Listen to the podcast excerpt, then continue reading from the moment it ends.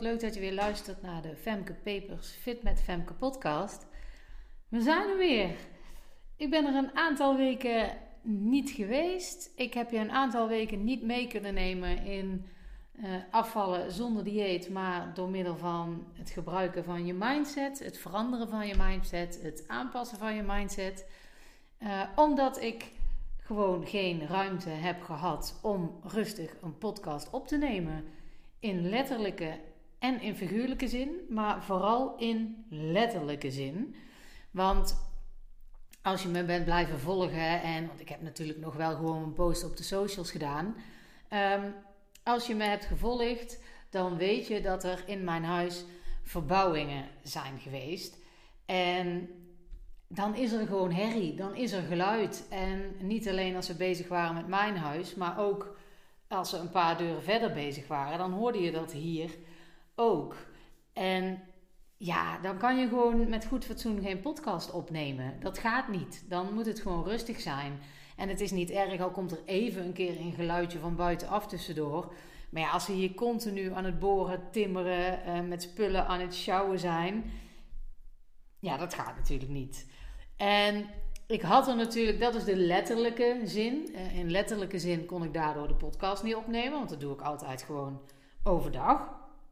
In figuurlijke zin kon ik de podcast ook niet opnemen, omdat um, ik ook veel ja, drukker in mijn hoofd was. Omdat als je uh, te maken hebt met verbouwingen, uh, dan, ja, dan zijn dingen anders. Je kan niet meer varen op je automatische piloot. Want je hebt een tijdje zonder keuken geleefd en dan moet je over nadenken van hoe ga ik dat nou doen? We hebben een tijdje geen wc gehad, waardoor we een paar deuren verderop naar de wc moesten. Je moet daarover nadenken en het, het kost extra tijd en dingen gaan niet meer op de automatische piloot. Afwassen kon niet meer uh, in huis, moesten we ook de afwas meenemen, een paar deuren verderop. En dat is allemaal geen probleem, dat is allemaal prima, maar het haalt je wel ontzettend uit je ritme. En uh, voor een uh, autist zonder stempel, om het zo maar te zeggen, als ik, is dat gewoon nou ja, lastig in die zin. Dat kost maar extra denkwerk. Ik kan niet meer op mijn normale structuur, mijn normale patroon functioneren. Ik moet daar meer over nadenken. En als dan ook nog de communicatie rondom de verbouwing gewoon echt niet lekker loopt, ja, dat helpt natuurlijk niet. Dus dan is er in figuurlijke zin ook geen ruimte om nog die podcast op te moeten nemen. Dat je dan ook nog de hele dag in je hoofd hebt, oeh, vanavond moet ik even een podcast opnemen. Want terwijl je ook gewoon je drukke baan nog uh, naast je bedrijf buitenshuis hebt, ja, dan kan dat er gewoon even niet bij. En je gaat het ook niet doen op het moment dat de kinderen hier zijn, die maar de helft van de tijd hier zijn, om die dan naar boven te verbannen, want mama moet een podcast opnemen. Ik bedoel, dat kan wel. Op zich zouden ze daar niet zo'n probleem mee hebben als ze gewoon lekker op de telefoon mogen boven. Maar dat wil ik zelf gewoon niet. En er zijn heus wel momenten geweest waarop ze daar toch zelf voor gekozen hebben. Maar ja, daar waren dan geen momenten waarop ik uh, een podcast op kon nemen. Want dan moest ik bijvoorbeeld andere dingen doen. Dus ik heb mezelf even de rust gegeven om een tijdje de podcast niet op te nemen. Maar ik heb het wel gemist hoor. Ik ben super blij om het nu weer te kunnen doen. Maar ik heb echt wel gemerkt dat het heel erg prettig is geweest dat ik dit niet ook hoefde te doen. Dat dit niet iets was wat erbij moest komen.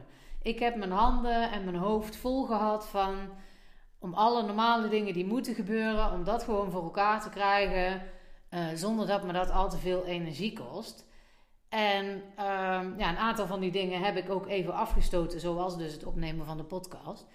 Maar ook vooral omdat dat dus niet kon op de tijden waarop ik dat normaal gesproken zou doen.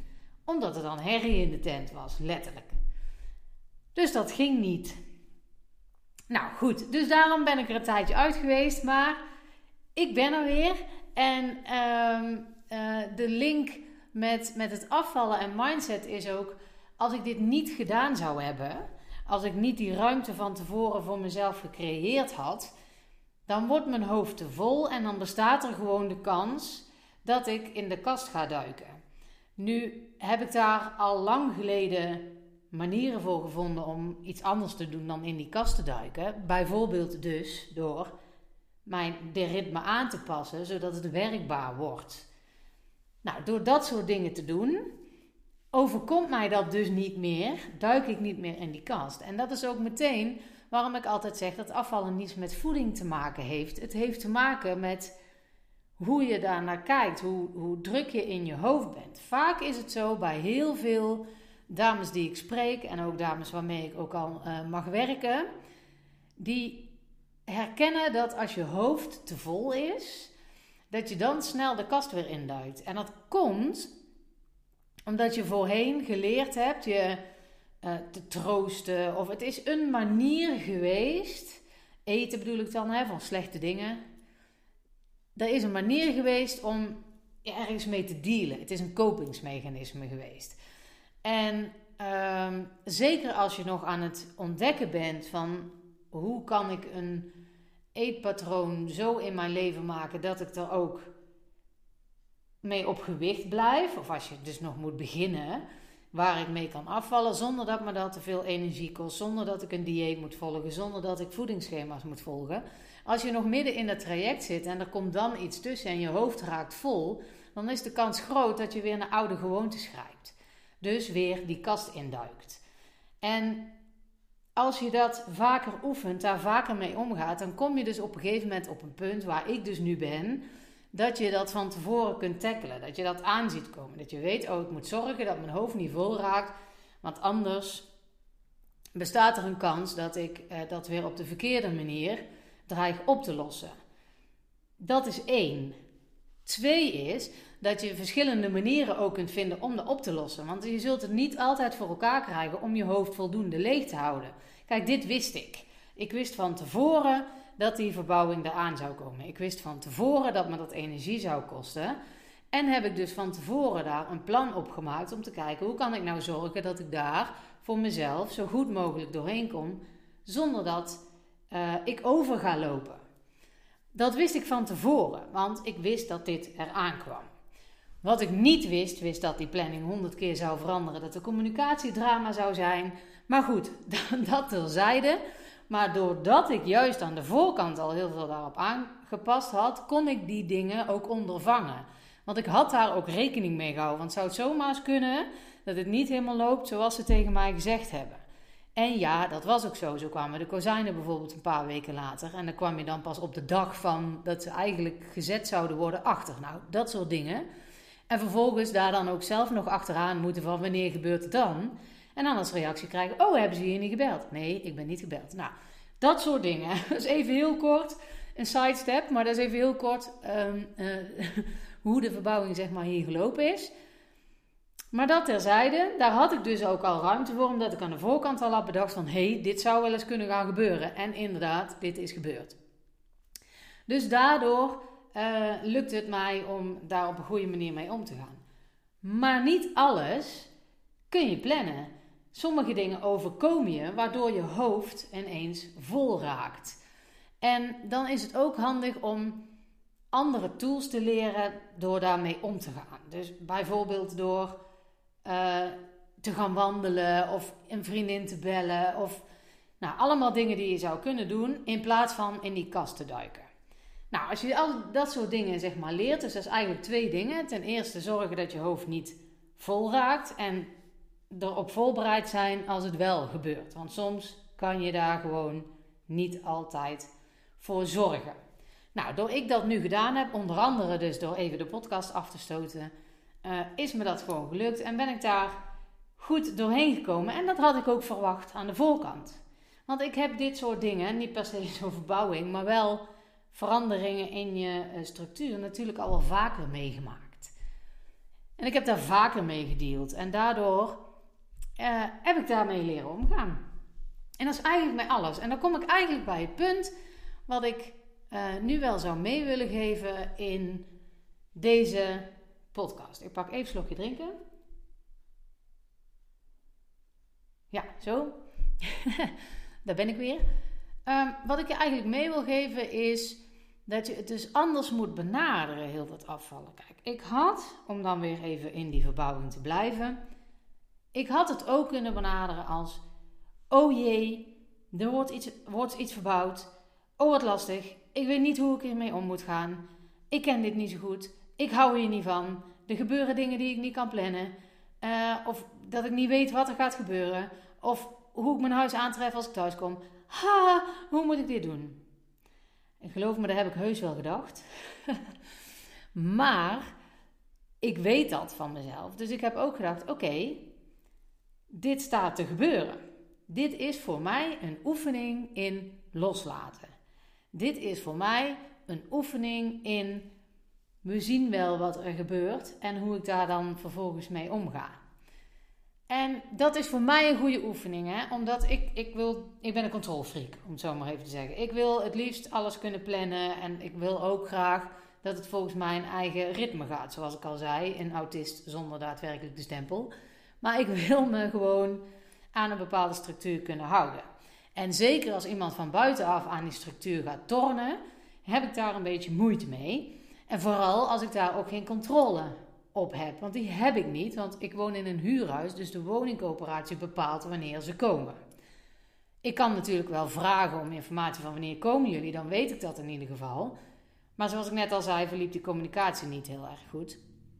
Maar natuurlijk heb ik echt wel eens ooit gedacht, en zeker toen het nog uh, ver van tevoren was, ik dus eigenlijk nog helemaal geen zicht had op hoe moet dat dadelijk gaan. Dat vond ik echt het allermoeilijkst. Toen ik op een gegeven moment steeds dichter bij de datum kwam waarop het ging beginnen en ik ook steeds meer helder kreeg van uh, hoe ziet het er dan uit, ging dat steeds beter. En dat wist ik van mezelf. Dus ik heb ook gevraagd aan de uitvoerder van, goh, kom mij nou eens even vertellen hoe het precies gaat lopen. Want ik heb een app met een planning, maar ik word daar niet heel veel wijzer van. En is dit ook echt zo? En wat kan ik nou in mijn huis precies verwachten? Nou, ik weet dat ik daar behoefte aan heb. Dus ik vraag daarom. Want daar kwamen ze echt niet uit zichzelf doen hoor. Je moet, je moet daarom vragen. Wat met veel dingen in het leven zo is. Het gaat niet altijd vanzelf. Je moet soms om dingen vragen. Ik moest hier dus ook om hulp vragen. Want mijn hulp was eigenlijk: help mij overzicht te krijgen. Nou, doordat ik dat gedaan heb, heb ik daar overzicht gekregen. En dan komt er al veel meer rust. En nogmaals, als er dus rust in je hoofd komt, kun je alle situaties die daar omheen nog gebeuren veel beter aan. Dus als je het heel anders benadert, in plaats van, oh help en ik weet niet zo goed hoe dat ik dat moet doen, kun je ook kijken van, nou, ik ga het zo aanpakken. En, ehm, en vervolgens uh, kijk ik wel wat ermee gebeurt en ik zie het wel. Gaat het in de eerste week niet helemaal goed, dan weet ik wat ik moet doen voor de rest van de verbouwing. Zorgen dat ik nog meer die communicatie heb. Weet je, dan sta je er al heel anders in. Maar dit was even nog een aanleiding van verbouwen. Maar ik kan een veel beter voorbeeld geven. Waardoor je veel meer zult denken: ah ja. Want ik denk namelijk dat uh, die andere nog veel meer herkenbaar zou zijn. En dat is namelijk als je gaat uit eten. Ik krijg regelmatig ook van mijn uh, klanten te horen, van de dames waarmee ik werk, van poeh, ja, het ging eigenlijk al heel lang goed. Uh, maar nu ga ik weer een keer uit eten. En ik weet eigenlijk niet zo goed hoe dat ik dat moet doen.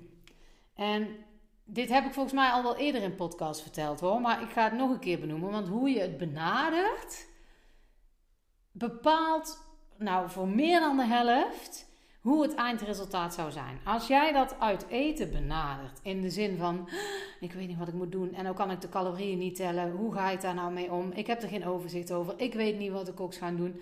Uh, ik ga altijd meer eten dan wanneer ik thuis ga eten, maar dat wil ik niet, want dan val ik niet af. Hoe moet ik dit in godsnaam gaan doen? Help als me dit maar lukt. Oh, en ik kan die toets nooit overslaan. Ja, ik wil dat eigenlijk wel doen, maar nou, afijn. Je weet hoe dat in je hoofd kan gaan. Als dat je begin is, als je op die manier het benadert, van oh, ik weet niet wat ik moet doen. En als je vervolgens wel al zo ver bent dat je denkt, oh wacht, ik ga met mezelf afspraken maken, ik ga dit doen, dat doen, zus doen, en dit en dit en dit niet. Oké, dit ga ik doen. Maar nog steeds in je hoofd hebt, ik vind het wel heel moeilijk. Dan is de kans dat het je niet gaat lukken echt vele malen groter. Nou, hoe doe je dat dan wel? door het anders te benaderen. Door te denken: oh wacht, ik vind dit heel erg moeilijk, want ik heb dit ja, nog niet gedaan sinds ik aan uh, mijn afvalproces ben begonnen. Of wel, en het ging de vorige keer helemaal slecht. Uh, Oké, ik vind dit moeilijk. Dit verandert niet. Hè? Tot nu toe is het hetzelfde. Want ook bij die benadering die ik net noemde, is de uitgangspositie: ik vind dit moeilijk. Maar de vervolgstap is: oké, ik vind dit moeilijk, maar ik ga dit als een uitdaging zien. Dit is voor mij een leerpunt. Ik heb nu de kans om te ontdekken hoe ik hiermee om moet gaan. Hoe ik hierop ga reageren, weet ik nog niet zo goed. Ik ga met mezelf die afspraken maken. En aan het eind hiervan ga ik even denken: hoe is dat eigenlijk gegaan? Heb ik me aan die afspraken gehouden? En zo ja, en zo ja nou top. En zo nee. Wat gebeurde er dan eigenlijk? Wat dacht ik op dat moment? Hoe kwam het dat het me niet is gelukt? En daar neem je dan je lering uit en neem je mee voor de volgende keer. Dat is een heel andere benadering. Om te bedenken van, hé, hey, dit is een onderzoek. Ik hoef dit nog niet in één keer goed te kunnen. Ik heb dit nog nooit gedaan. Het zou best wel eens kunnen dat ik hartstikke op mijn bek ga. Of zoals een voormalig klant wel eens zei, dat ik nat ga. Kan zomaar gebeuren dat het me niet lukt. Dat kan. Is dat het einde van de wereld? Nee, want hier kan ik mijn lering uittrekken. En dan kan ik bekijken, wacht, wat ging er niet zo goed? Oh, dat kan ik de volgende keer dus anders gaan doen. Dat heb ik nu zo aangepakt, dat werkte niet zo goed. Ik ga dat de volgende keer anders aanpakken. Nou ja, zo ga ik het de volgende keer doen. En het liefst zou ik dan zeggen, ga meteen de week daarna weer uiteten. Ik snap dat uh, dat, dat niet altijd gaat en dat het uh, geld kost en et cetera enzovoort. Maar je snapt mijn punt. Als je jezelf meteen weer in een situatie zet waarin je daar weer kan oefenen, kom je sneller tot een manier die voor jou wel werkt. En dan zul je zeggen, ja, maar als ik twee keer ga uit eten in, in twee weken en het lukt me niet en ik eet dan veel te veel, dan val ik nooit af. Dat is een denkfout. Dan val je in die twee weken niet af. Maar doordat jij ervan leert, doordat jij het op een creatieve manier, op een ontdekkende manier aangaat, ga je hier op de lange termijn wel veel meer plezier van hebben. Maar misschien lukt het je wel als je zegt, oeh, ik vind het spannend. En dan lukt het één keer, maar je hebt daar eigenlijk ja, heel rigide gedaan. En je hebt daar niet relaxed gezeten, want je moest het goed doen met het eten. En misschien is dat wel gelukt, maar de kans dat dat een volgende keer weer lukt, is heel erg klein. En ook die kan ik uitleggen. Je hebt namelijk een spanningsboog. Op een gegeven moment komt die spanningsboog strak te staan. Misschien dat het de eerste keer nog redelijk gelukt is hè, om, om je zelfbeheersing te houden. Uh, je zelfbeheersing moet je eigenlijk zeg maar zien als, als die spanningsboog. Misschien is dat de eerste keer nog wel gelukt. Heb je redelijk die spanning erop gehad, maar is het nog net gelukt? Maar die keer dat je daarna weer gaat uiteten, staat hij eigenlijk al weer iets strakker van. Oeh, ja, maar het is me de vorige keer wel gelukt, maar maar net. En ik zat er eigenlijk niet heel lang. Oeh, als het dan nu maar wel goed gaat. Nou, op een gegeven moment staat die spanningsboog, die zelfbeheersingsboog, zo strak dat die knapt. Op een gegeven moment gaat dat gewoon niet meer. Dus is die benadering op de lange termijn destructief. Je hebt er niks aan, het helpt je de vernieling in. Dan heb je misschien wel één of twee keer de eten doorstaan, maar op de lange termijn ga je daar niks aan hebben. Op de korte termijn heb je misschien met de onderzoekende benadering niet direct resultaat, maar je voelt je wel veel relaxter eronder. Wat ook maakt dat het de dag erna waarschijnlijk een stuk prettiger gaat, omdat je je niet zo schuldig en rot voelt erom. En je gaat je lering daaruit trekken voor de volgende keer. Dus daar heb je op de lange termijn veel meer aan. En ook eigenlijk dus direct op de korte termijn. Niet zozeer met dat uit eten als dat niet goed gaat. Maar wel voor de dag erna, omdat jouw beleving heel anders is. Het is niet zo van, ah, het is mislukt. Nee, je gaat de volgende dag in met, hmm, dat is niet zo goed gegaan. Ik weet nu hoe ik dat de volgende keer anders moet doen. Dan neem jij dat slechte gevoel die dag erna niet mee. Dan blijf je niet daarin hangen. Want dan heb je de dag erna en misschien wel de dag daarna en misschien wel de hele week daar nog last van, omdat je het niet omgedraaid kunt krijgen. Dus de benadering moet echt anders. Zie dat soort dingen als een onderzoekje. Leer ervan, durf fouten te maken, want je gaat fouten maken. Je kan dit niet in één keer goed doen. Ik zou willen dat het zo is. Ik gun je dat van harte, maar ik weet gewoon dat het niet zo is. En dat is prima. Want het leven is niet gemaakt om alles perfect te doen. Echt niet. En goed is goed genoeg, hè? Als het bij het eerste uiteten niet perfect ging, maar wel redelijk, nou dan mag je echt al in je handjes klappen. Want dan heb je het heel goed gedaan. En dan nog kun je de lering uittrekken bij dat stukje wat dan net niet naar de perfecte ging. Maar dat is heel anders als je zelf de schuld geeft van en het ging niet perfect en zie je wel, je kan het nog steeds niet, et cetera, enzovoort. Dus de benadering aan de voorkant, zowel bij mij als de, met de verbouwing, als een onderzoekje, eh, het als onderzoek zien als je gaat uit eten, is heel anders dan uh, wanneer je rigide op de eten en dit en dat en zo en zo gaat zitten. Nou, dat is wat ik je in de eerste podcast na weken pauze uh, graag mee wilde geven. Um, ja, vanaf nu komt er gewoon weer elke week een. Ik, uh, ik heb er zin in. Ik heb het ergste achter de rug. Ik ben er super blij mee. Ik uh, zal waarschijnlijk wel de komende periode nog wat voorbeelden daarvan noemen. ja, omdat ze gewoon ook verhelderen hoe het zit met afvallen en je mindset.